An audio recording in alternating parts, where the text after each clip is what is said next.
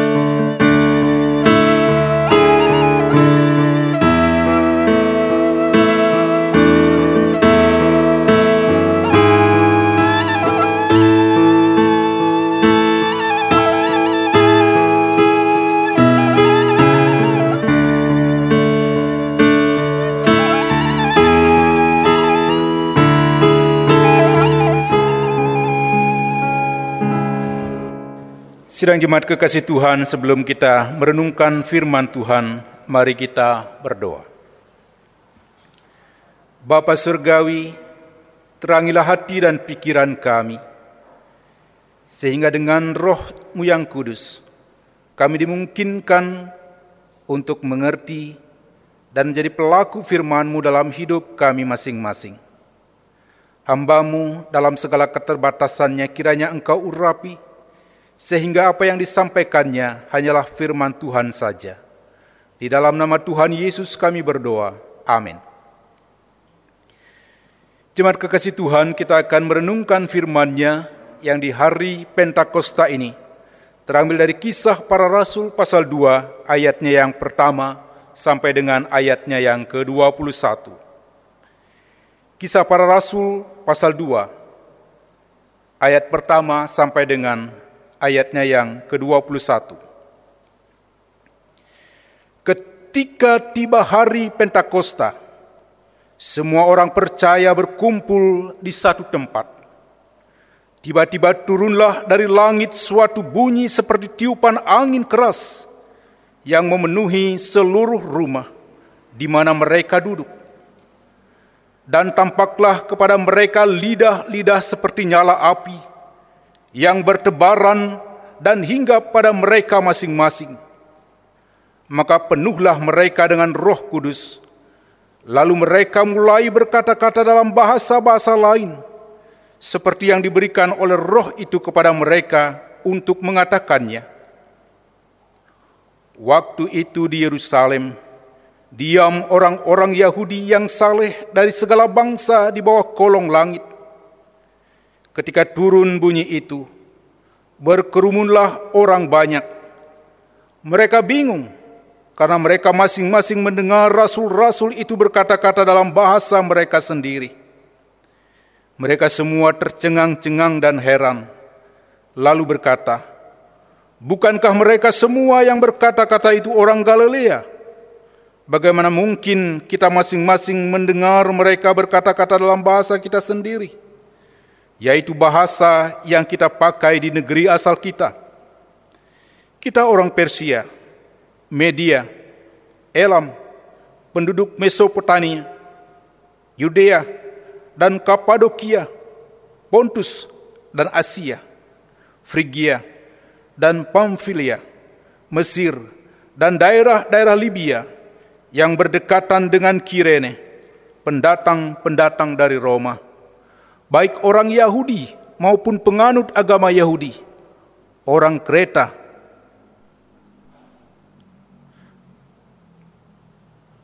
saya ulangi ayat 11, baik orang Yahudi maupun penganut agama Yahudi, orang Kreta dan orang Arab, kita mendengar mereka berkata-kata dalam bahasa kita sendiri tentang perbuatan-perbuatan besar yang dilakukan Allah. Mereka semuanya tercengang-cengang dan sangat termangu-mangu sambil berkata seorang kepada yang lain, "Apakah artinya ini?" Tetapi orang lain menyindir, mereka sedang mabuk oleh anggur manis. Maka bangkitlah Petrus berdiri dengan kesebelas rasul itu, dan dengan suara nyaring ia berkata kepada mereka, Hai kamu orang Yahudi dan kamu semua yang tinggal di Yerusalem, ketahuilah dan camkanlah perkataanku ini. Orang-orang ini tidak mabuk seperti yang kamu sangka. Karena hari baru pukul sembilan. Tetapi itulah yang difirmankan Allah dengan perantaraan Nabi Yoel. Akan terjadi pada hari-hari terakhir Demikianlah firman Allah bahwa aku akan mencurahkan rohku ke atas semua manusia. Maka anak-anakmu laki-laki dan perempuan akan bernubuat. Dan taruna-tarunamu akan mendapat penglihatan-penglihatan. Dan orang-orangmu yang tua akan mendapat mimpi. Juga ke atas hamba-hambaku laki-laki dan perempuan akan kucurahkan rohku kepada hari-hari itu. Dan mereka akan bernubuat. Dan aku akan mengadakan mujizat-mujizat di atas di langit. Dan tanda-tanda di bawah di bumi. Darah dan api dan gumpalan-gumpalan asap. Matahari akan berubah menjadi gelap gulita dan bulan menjadi darah sebelum datangnya hari Tuhan. Hari yang besar dan mulia itu dan barang siapa yang berseru kepada nama Tuhan akan diselamatkan. Demikian sabda Tuhan berbahagialah kita sekalian yang membaca dan merenungkan firman-Nya dan menjadi pelaku firman dalam kehidupan kita masing-masing. Haleluya.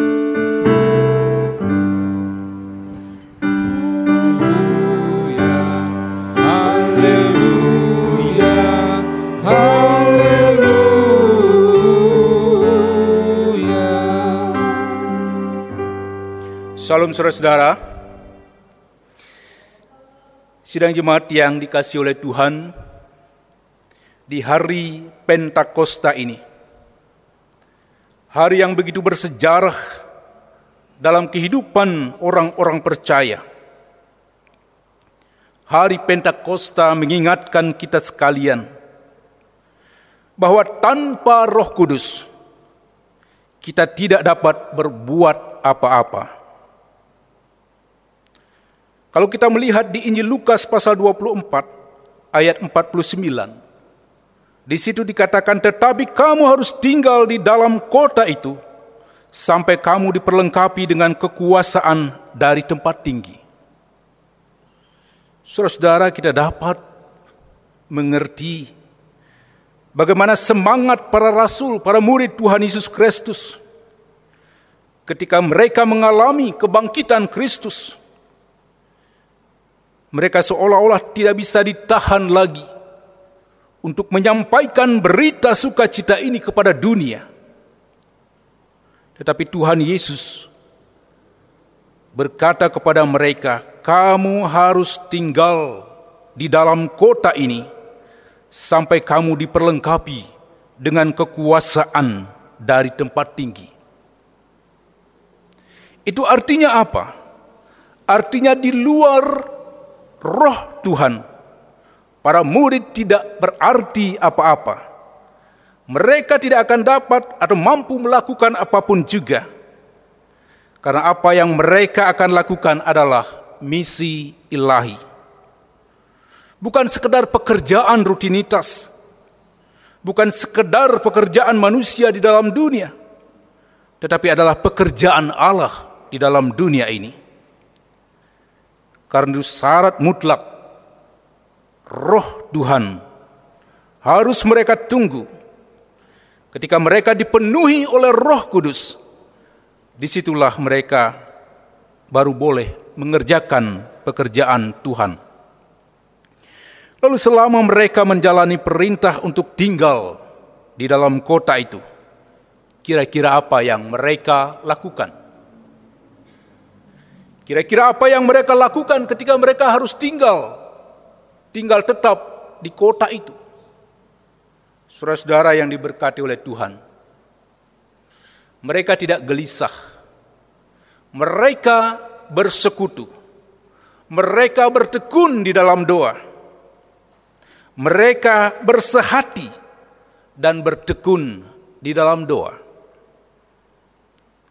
Saya yakin kita semua saat ini sedang mengalami kesulitan untuk tinggal di rumah.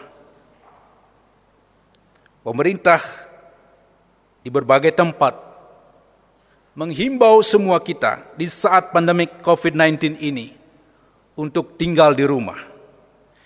Kita mungkin sudah kehabisan akal apa yang harus kita lakukan. Rute perjalanan kita setiap hari dari kamar tidur, keluar ruang tamu, masuk dapur, keluar di pendopo, masuk lagi ke ruang tidur dan orang yang kita temui itu-itu saja. Apalagi kalau ada yang tidak mau ganti baju satu harian itu. Betapa bosannya kita tinggal di rumah. Para murid disuruh untuk tinggal di kota itu. Menunggu akan datangnya roh kudus. Dan mereka selalu bertekun di dalam doa. Karena apa saudara? Sekali lagi di luar Tuhan mereka tidak mampu melakukan apa-apa. Jadi mereka bertekun sehati di dalam doa. Walaupun mungkin sulit buat mereka. Karena mereka ingin segera memberitakan akan kebangkitan Kristus. Tetapi mereka harus tahan diri.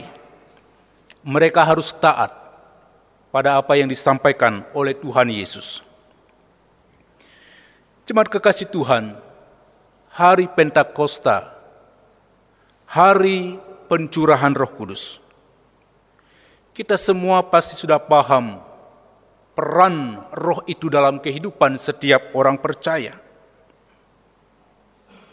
Roh Kudus itu bukan hanya ada sesudah hari Pentakosta, tetapi Roh Kudus itu sudah ada dari sejak semula pada saat Allah menciptakan langit dan bumi ini. Dan roh kudus itulah roh yang memberi kehidupan dan roh yang menghidupkan. Itu saudara dapat baca dalam kejadian pasal 1 ayat yang kedua. Dan roh kudus adalah roh yang memimpin, roh yang membimbing para pemuka-pemuka agama, Yahudi, para pemuka-pemuka bangsa Israel, para nabi, dalam mereka menyampaikan akan firman Tuhan. Roh Kuduslah yang menuntun mereka, yang membimbing mereka. Saudara-saudara yang diberkati oleh Tuhan, Roh Kudus itu jugalah yang memimpin dan membimbing umat Israel pada ketaatan akan firman Tuhan. Dan roh itu jugalah yang menolong dan mengingatkan apa yang benar dan membimbing setiap orang percaya pada kebenaran. Saudara bisa baca dari Yohanes 14 ayat 15 sampai 17. Itu artinya apa? Betapa sering dalam perjalanan kehidupan kita, kita jatuh dan bangun tetapi kita bersyukur bahwa Roh Kudus selalu mengingatkan kita supaya kita ada di jalan yang benar. Dan Roh itu selalu membimbing kita supaya kita tetap berada di jalan Tuhan. Jemaat kekasih Tuhan, peran yang lain dari Roh Kudus. Roh Kudus memungkinkan para murid untuk berkata dalam bahasa baru dalam bahasa yang dipahami oleh berbagai suku bangsa dunia ini. Sungguh sangat luar biasa peran dari Roh Kudus ini. Kalau sekarang kita mungkin mengenal ada Google Translate. Kalau kita udah bingung, tanya mah Google, apa ya bahasa Inggrisnya uh, pergi misalnya. Kita buru-buru ke Mbah Google dan kita mendapatkan jawabannya. Tapi apa sebenarnya yang dimaksudkan dengan bahasa baru yang diberikan oleh Roh Kudus kepada para murid? Bahasa itu dimengerti oleh semua suku bangsa yang ada yang hadir pada saat itu. Saudara-saudara yang diberkati oleh Tuhan, Itulah keajaiban yang terjadi jikalau roh Tuhan itu ada bersama dengan orang percaya. Apa yang tidak mungkin bagi dunia akan mungkin.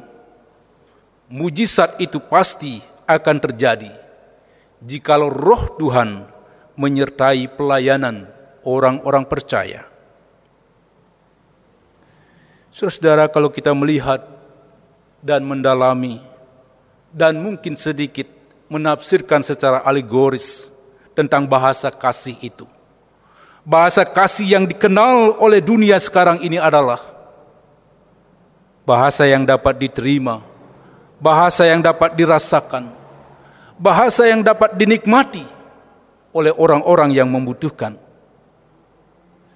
Jikalau sekarang kita keluar dari rumah kita, dari kantor kita, dari gereja kita, ada begitu banyak orang-orang yang mengalami kesusahan, mereka seolah-olah kehabisan akal. Mereka kehabisan dana untuk bisa bertahan dalam masa COVID-19 ini. Dan pertanyaan-pertanyaan yang muncul, akankah suasana ini berlangsung lama? Dan kita mendengar ada statement dari para medis bahwa kita mungkin harus berdamai hidup dengan COVID-19 ini. Hal itu serta-merta membuat kita berpikir apa yang harus kita lakukan di masa sulit ini. Bahasa kasih diberikan oleh Tuhan dan dunia ini sudah mengenal bahwa orang Kristen memiliki bahasa itu di dalam Tuhan Yesus Kristus bahasa kasih yang disampaikan oleh Tuhan Yesus adalah ia memberi hidupnya untuk menyelamatkan dunia ini, untuk menebus saudara dan saya dari dosa ini. Adakah bahasa kasih itu sekarang ada dalam persekutuan kita? Atau hanya masih dalam slogan saudara-saudara yang diberkati oleh Tuhan? Cobalah susuri setiap lorong. Cobalah tanyakan tetangga-tetangga kita. Pastikan mereka apakah mereka memiliki bahan makanan atau tidak. Mungkin saudara akan berasumsi, pasti mereka punya sepeda motor masih parkir di parkirannya. Belum tentu. Sekarang banyak orang mengalami kesusahan Di sinilah kesempatan buat kita untuk berbagi, berbahasa kasih dengan saudara-saudara kita yang lain, tanpa harus memandang latar belakang agama dan lain sebagainya. Bahasa baru diberikan oleh Tuhan kepada para murid. Bahasa baru, bahasa kasih itulah yang seharusnya kita cairkan dalam kehidupan kita dalam bergereja dan bermasyarakat. Saudara-saudara, Roh Kudus memberi kekuatan dan keberanian kepada para murid untuk menjadi saksi Kristus dan memimpin serta menguatkan setiap orang percaya dalam pemberitaan Injil. Beberapa kali saya ditanyakan oleh beberapa warga jemaat. Pak Pendeta, dalam suasana seperti ini, kerjaan apa ya yang mungkin bisa kita lakukan? Saya menjawab WA-nya, cobalah bertanam, cobalah tanam sayuran dan lain sebagainya untuk menolong pemerintah dalam ketahanan pangan ia menjawab, sudah kami lakukan. Kami sudah menanam tanam-tanaman, sayuran, terong, dan lain sebagainya. Lalu dia bertanya lagi, adakah solusi yang lain? Saya katakan, ayolah kita menjadi pemberita Injil, bersaksi kepada orang-orang yang sekarang ini mengalami kesusahan. Mungkin ada orang yang berkelebihan, secara ekonomi masih ada, tetapi mereka membutuhkan sentuhan, mereka membutuhkan pendampingan, mereka membutuhkan penguatan dan lain sebagainya.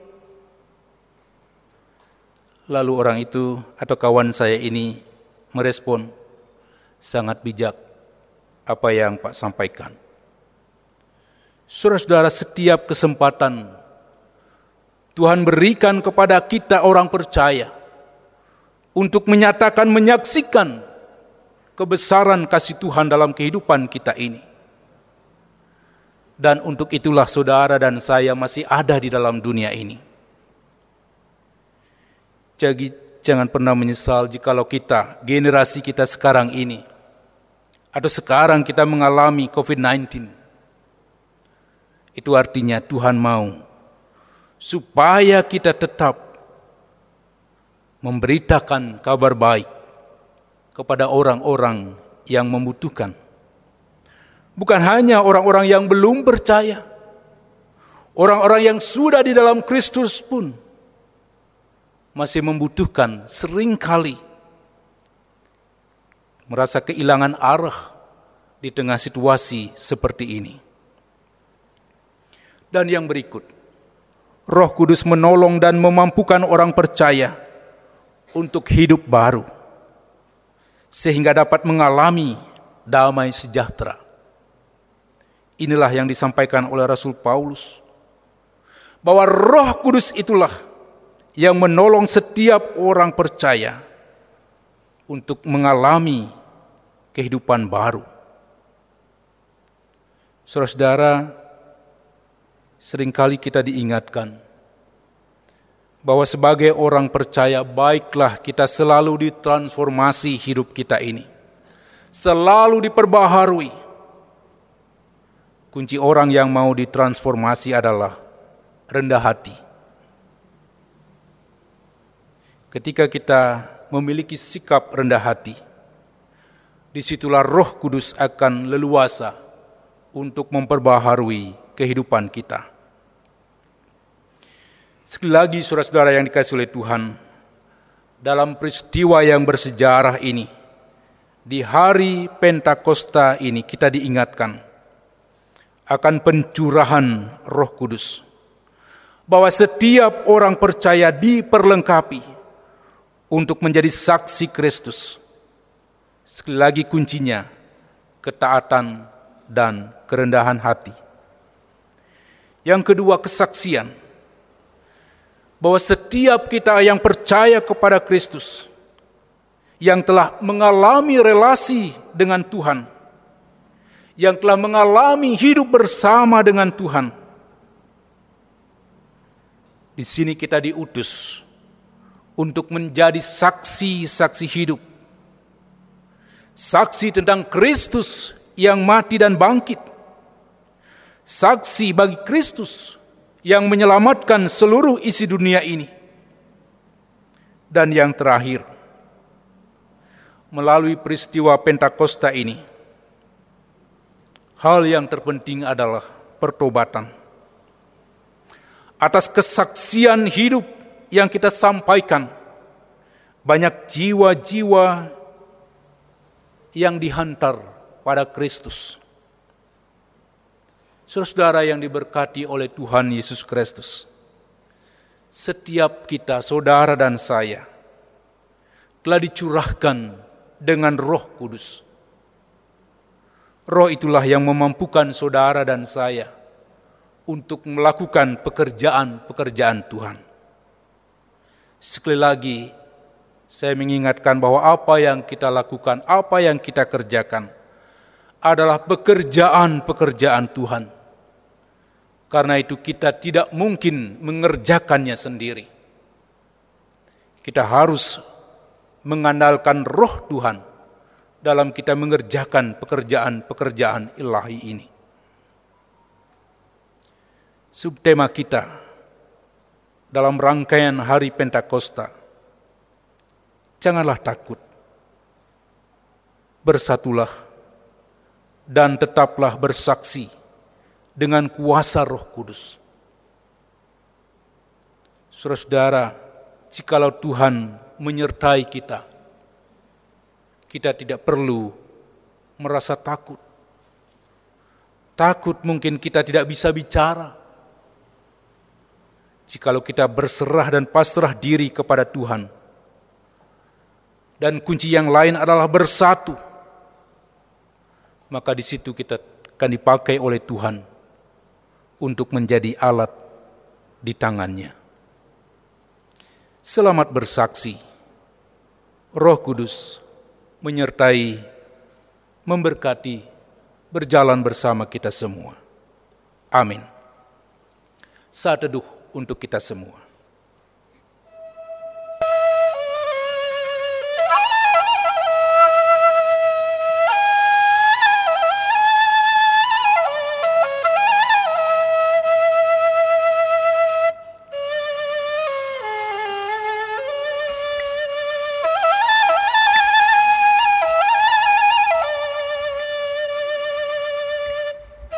Baru saja mendengarkan khotbah Pentakosta oleh Pendeta Inyoman Agustinus MTH. Siaran ini didukung oleh MK Entertainment.